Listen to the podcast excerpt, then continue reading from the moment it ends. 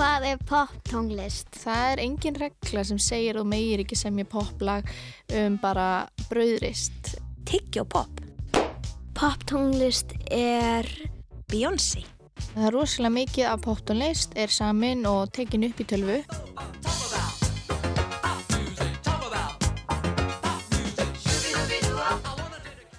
DJ svona dát. Þannig að ég held að, að þess vegna sé pop rosalega vinsælt.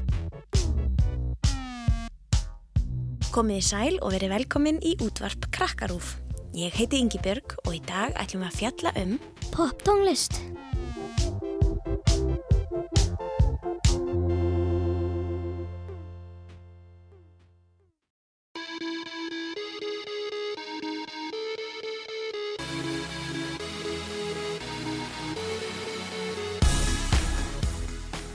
hvað er poptónlist hvers vegna er poptónlist vinsælasti stílinn í útvarpinu? Hvers konar hljóðfæri eru algengust? Hverjir eru frægustu popparar eða poppljómsveitir allra tíma? Um hvað eru poplög? Og hvers vegna í ósköpunum heitir þetta pop? Tónlist.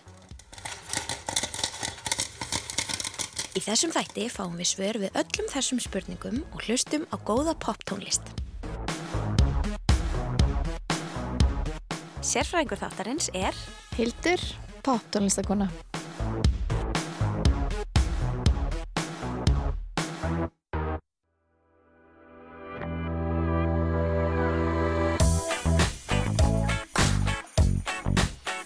Hvað er poptónlist? Poptónlist er skemmtilegt lag. Dans.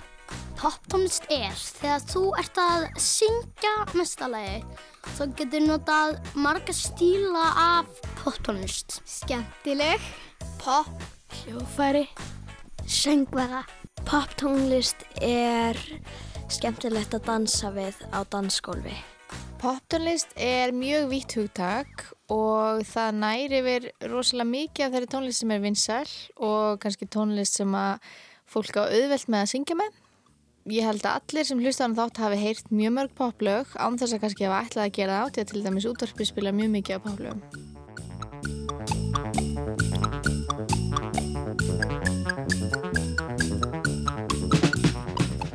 Heitir þetta poptónlist? Tengist þetta eitthvað því sem við borðum í skál fyrir fram að bíó?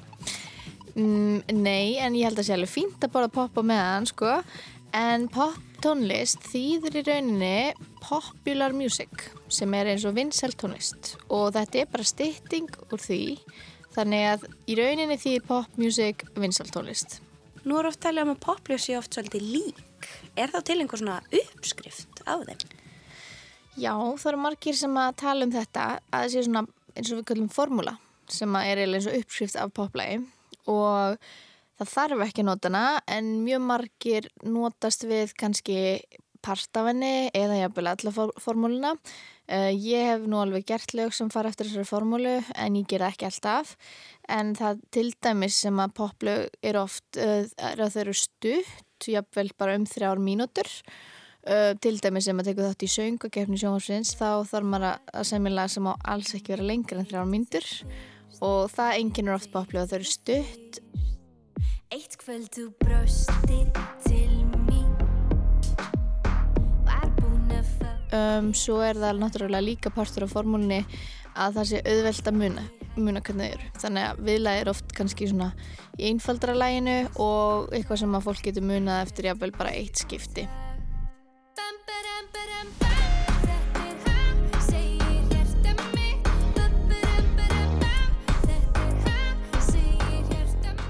Poplög geta verið um allt mögulegt. Það er engin regla sem segir þú meir ekki semja poplag um bara brauðrist eða eitthvað. Ef þið langar að gera það, þá máttu það alveg.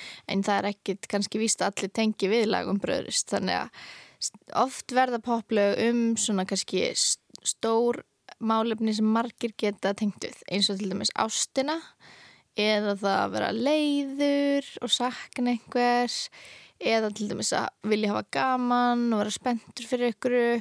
En svo eru líka til poplög um alls konar öðru sér hluti. Um, ég til dæmis sem mín poplög er rosalega mikið út frá því hvað ég hef upplifað og hvernig mér líður. Þannig að mín poplög eru svona kannski persónuleg en það er alveg allir gangur á því um hvað þau eru.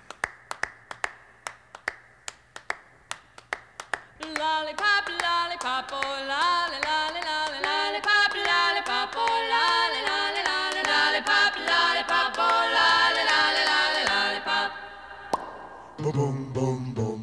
Poptónlist þróaðist um miðja 20. öld út frá rocki og ról.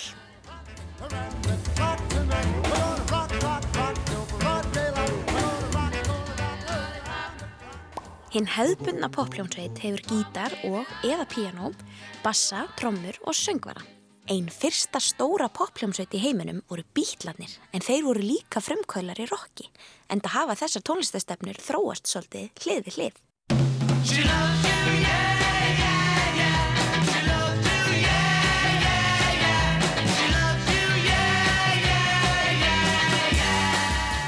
Síðan þá hefur poppið þróast í allar áttir og það eru til alls konar tegundir af poptónlistarstílum. Svo eru til alls konar poptónlistarmenn og konur. Sumir poptónlistamenn eru ekki í hljómsveit, heldur eru svo kallar solo-artistar sem þýðir að þeir koma oftast einir fram. Aðri poptónlistamenn vinna í sönghópum, þar sem söngvararnir spila ekki á hljóðfæri, að minnst okkarstu ekki þegar þeir koma fram, heldur syngja bara. Í upphafi var poptónlist sérstaklega samin til að heilla úlinga og var því oft með sterkum takti, einföldum hljómum, grípandi sönglinum og hendug til að dansa við. Yummy, yummy, yummy, I got love in my tummy and I feel like I'm loving you. Þessi fyrsta poptónlist hefur fengið viðunefnið Tyggjó Pop eða Bubblegum Pop. Á þessum tíma voru úlingar, sérstaklega í bandaríkjunum, mikið með tyggjugumi og blésu tyggjóið upp í stórar kúlur þar til að heyrðist pop hljóð þegar þær sprungu. Síðan þá hefur poptónlist blandast við nánast alla aðra stíla tónlistar og því er varla hægt að segja að hún sé eitthvað eitt í dag þó margt sé svipað og það var í upphafi. Hvaða hljóðfæri eru oftast notuð í poptónlist? Piano, gítar kannski? DJ, svona dát. Bassi. Talva. Trommur.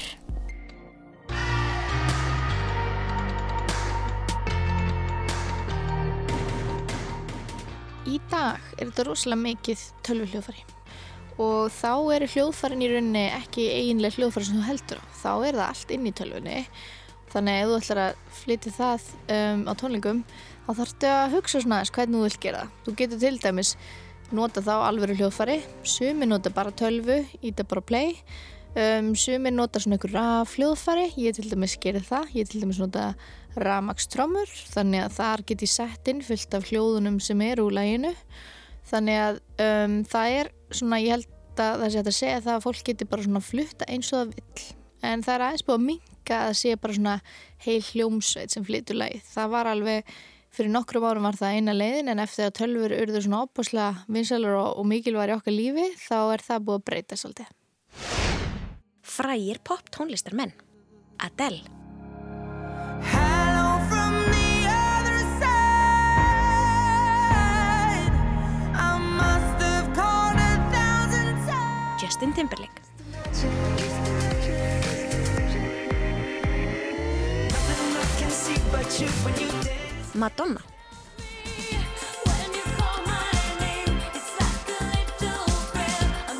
on my knees. Ed Sheeran, So honey now Take me into your loving arms. Glói, No one to hold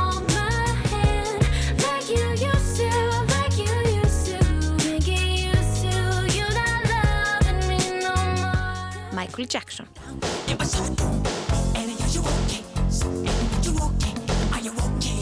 Svala Björgvins,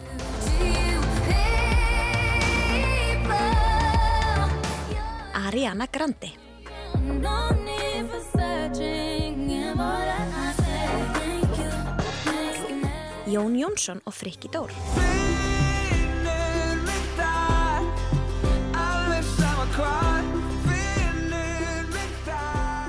Again.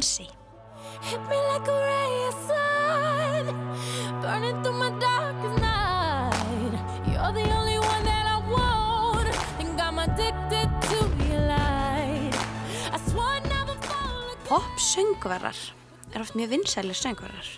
Hver er nú munurinn á þeim og segjum rock-söngvara eða rappara? Sko, ég myndi nú segja að allir söngur verður kannski svolítið svona mismöndi þannig að það er oft erfitt að segja af hverju einhver söngur verður vinsall en oft er það náttúrulega að vera með fallega rödd og rödd sem er þægilegt að hlusta á. Um, svo er það kannski líka ofta að popsöngur eru mjög svona opnir og gladir og skemmtilegir og því að poptónlist er hérna svolítið svona oft svona jákvæð og hress og meðan kannski rock eða rap getur stundum hljóma svolítið svona reið og þá getur maður kannski stundum bara að vera smá hrættur með það sem verður að spila eða syngja en ég held að popsöngurar eru nefnilega, þeir eru oftast svona bara, já, eru með breyðir bóðskap sem að margir tengja við og, og þess vegna kannski er auðvelt að finnast þau vera frábærir Hvernig syngja popsöngvarar öðruvísi heldur en til dæmis bara óperusöngvarar eða rocksöngvarar? Um, ég held að popsöngurar syngi oft svolítið svona, skýrt. Þannig að það er auðvöld að heyra textan út af því að textin skiptir svolítið miklu máli í poptónlist. Út af því að hann á að vera þannig að maður skilja hann og geti tengt við hann og helst sungi með. Þannig að til dæmis eða hlustur óperusöngura þá er í fyrsta lagi mjög erfitt ofta að skilja út af því þau eru ofta að syngja öðru tungumáli. og svo er þið oft með svona eitthvað hljóm í röddinni sem gera það verkum á orðin svona bindast meira saman. En ég myndi segja að popsöngurar syngi skýrt, syngja oft svolítið svona stert og, og, og hátt, þannig að það er svona kannski svona enginni popsöngs.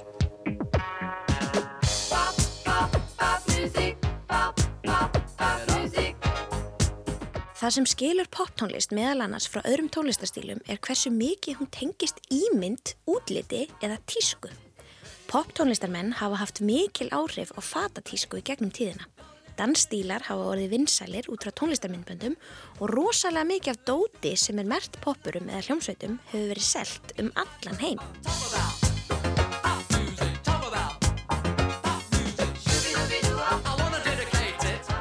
Það sem ég veist frábært við poptónlist er að hún nær til svo margra.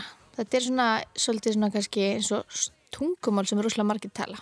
Það eru margir sem að vilja hlusta á poptónlist hún er oft svolítið einföld. Það er svona hægt að syngja með eftir að maður kannski hefur heyrt lagi bara einu sinni. Þannig að maður getur fengið það svolítið mikið á heilan. Og þess vegna er það oft skemmtilegt því að mann er líður eins og maður, svona, maður kunni lagi strax og, og geti sungið að hástöfum og náttúrulega mörgum við skaman að syngja með og það getur kannski stundu verið erfið að syngja með og heyri rocklega sem maður heyrir ekki alveg hvað er verið að syngja þetta er svona hil háaði sko. Þannig að ég held að, að þess vegna sé pop rosalega vinsælt út af því að það eru margir sem tengja við það og mér finnst það svo fallegt. Mér finnst fallegt að spila tónlist sem að bæði þryggjóra getur sungið og líka kannski 93 ára. Orðabók poptónlistarmannsins. Bakrættir. eru söngurar sem syngja í læginu en eru ekki aðalsöngurinn og gera svona aðra rattanir sem að lætur lægi oft hljóma stærra og betra. Það getur enda verið aðalsöngurinn sem tekur upp bakrættir en á sviði þá eru það alltaf einhverjir aðrir.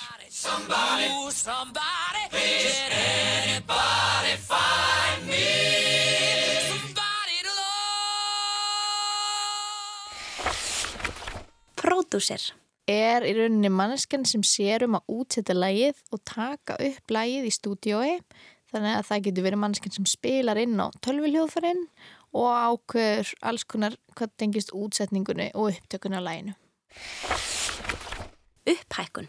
Er þeirra laglínan eða hljómagangurinn í læginu breytir skyndilega þegar lægið fer úr einni tóntegund í aðra og þá liftist laglínan upp eins og á næsta stig og það verður rosalega svona stórt moment í læginu.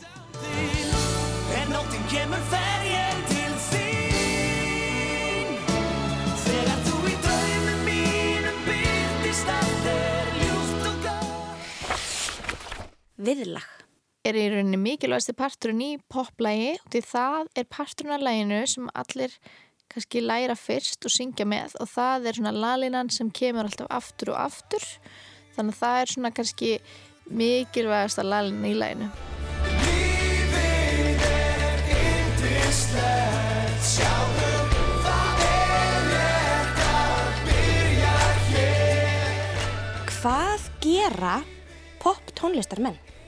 Syngja lag, Búa til lögin og hljóðið.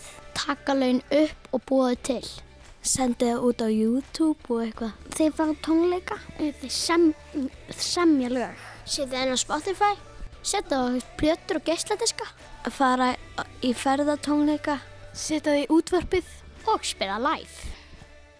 Inn í hljóðveri þá um, fer maður og tekur upp lag sem að maður er nú oftast búin að semja áður maður mætir og þá er til dæmis tekin upp hljóðfærin sem eru undirspilið. Mikið af því er enda gert í tölvu en stíðan eru líka stundum svona eins og kallum lífandi hljóðfæri eins og gítar og, og trommur og píano og svo les og svo þegar maður er búin að taka upp svona grunninn af hljóðfærinum eða undirspilinu þá syngum maður yfir.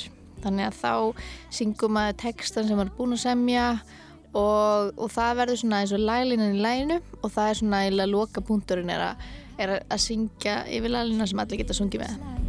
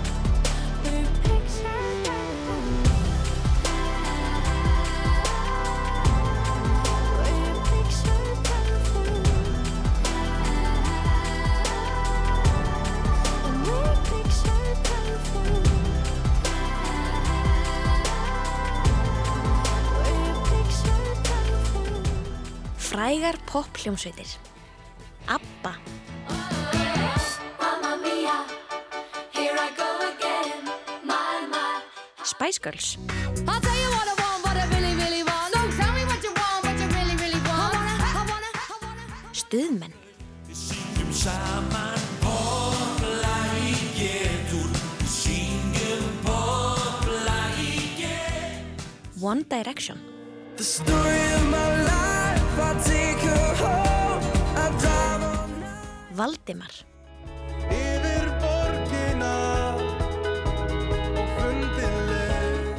Coldplay,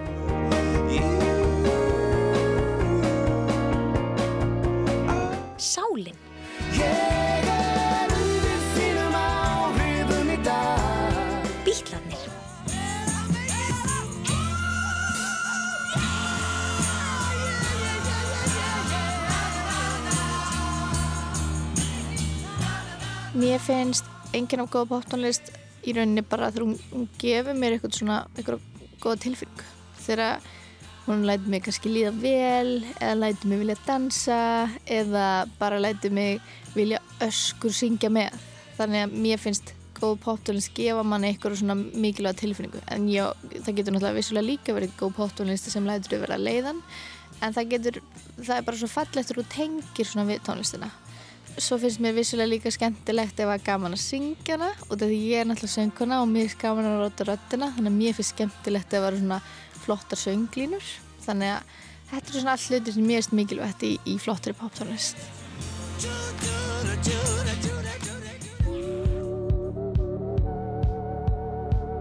Pop tónlistarþáttur útarpskrakkarúf verður ekki lengri í þetta sinn. Þátturinn er hluti af seríu um mismunandi tónlistarstíla, til dæmis sinfoníutónlist, óperur, jazztónlist, rocktónlist og rapptónlist. Kíkið inn á krakkarúf.is eða hlaðvarpið til að finna fleiri tónlistarþætti.